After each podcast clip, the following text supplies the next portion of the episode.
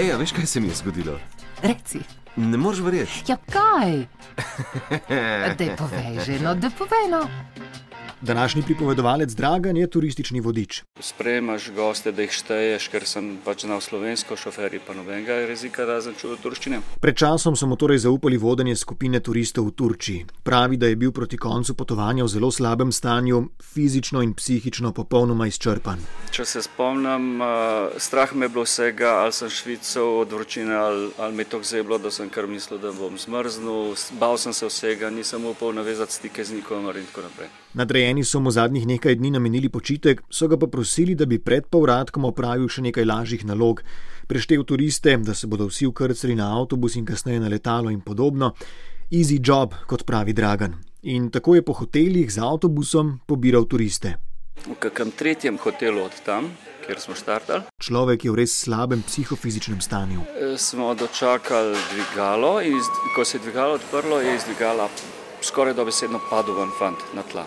In njegova punca, ki je bila vsa panična, tako je rekla, da je že v dvigalu rekel: Držite me, umrl bom. Res tako je rekel. Na kar jaz to pogledam, kaj se dogaja, vidim, da tip ne diha, mlad fant je bil. V trenutku pomislim, kaj je treba narediti, pokleknem tako okrog z leve in desne strani njegove, okrog trebuha in mu pritisnem na prsi. Enkrat, dvakrat, trikrat, štirikrat, morda petkrat, na kar je zadihal, medtem ko prej ni dihal. To je bilo bristov problema v tistem trenutku. V tistem trenutku si seveda oddahne, lani obnovljen tečaj prve pomoči mu je prišel še kako prav, česar pa ostali upleteni ne vedo.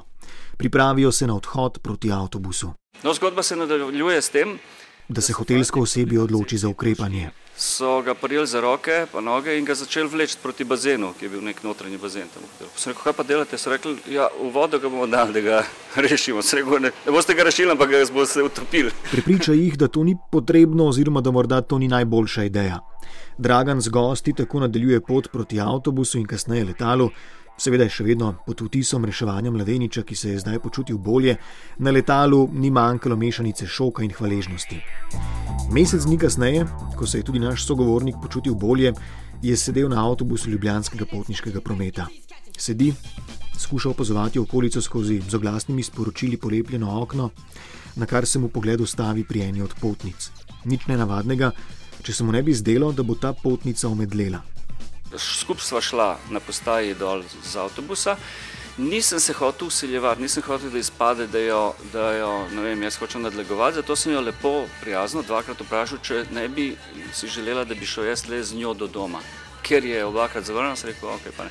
Ampak v tistem preden sva se poslovila, je pa ona rekla, sej veste, mi se pa poznamo, z nami ste bili skupaj v Turčiji.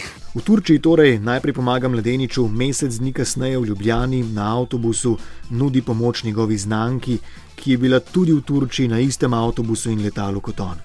Dragana torej kot rešitelja zdaj prepoznata vsaj dve osebi, dvakrat je nesebično pomagal in če je v tem vesolju kaj pravice, se mu to mora povrniti. Čez nekaj mesecev najbrž sem se jaz selil na pač neko novo lokacijo in sem iz avta nosil stvari, parkiral sem pa na nekem mestu, ki bilo tako, tako ne ravno najboljš, najbolj uh, korektno, naj, ne po predpisih. In v enem trenutku, ko pridem iz stanovanja, avto spet je stal pred avtom policist.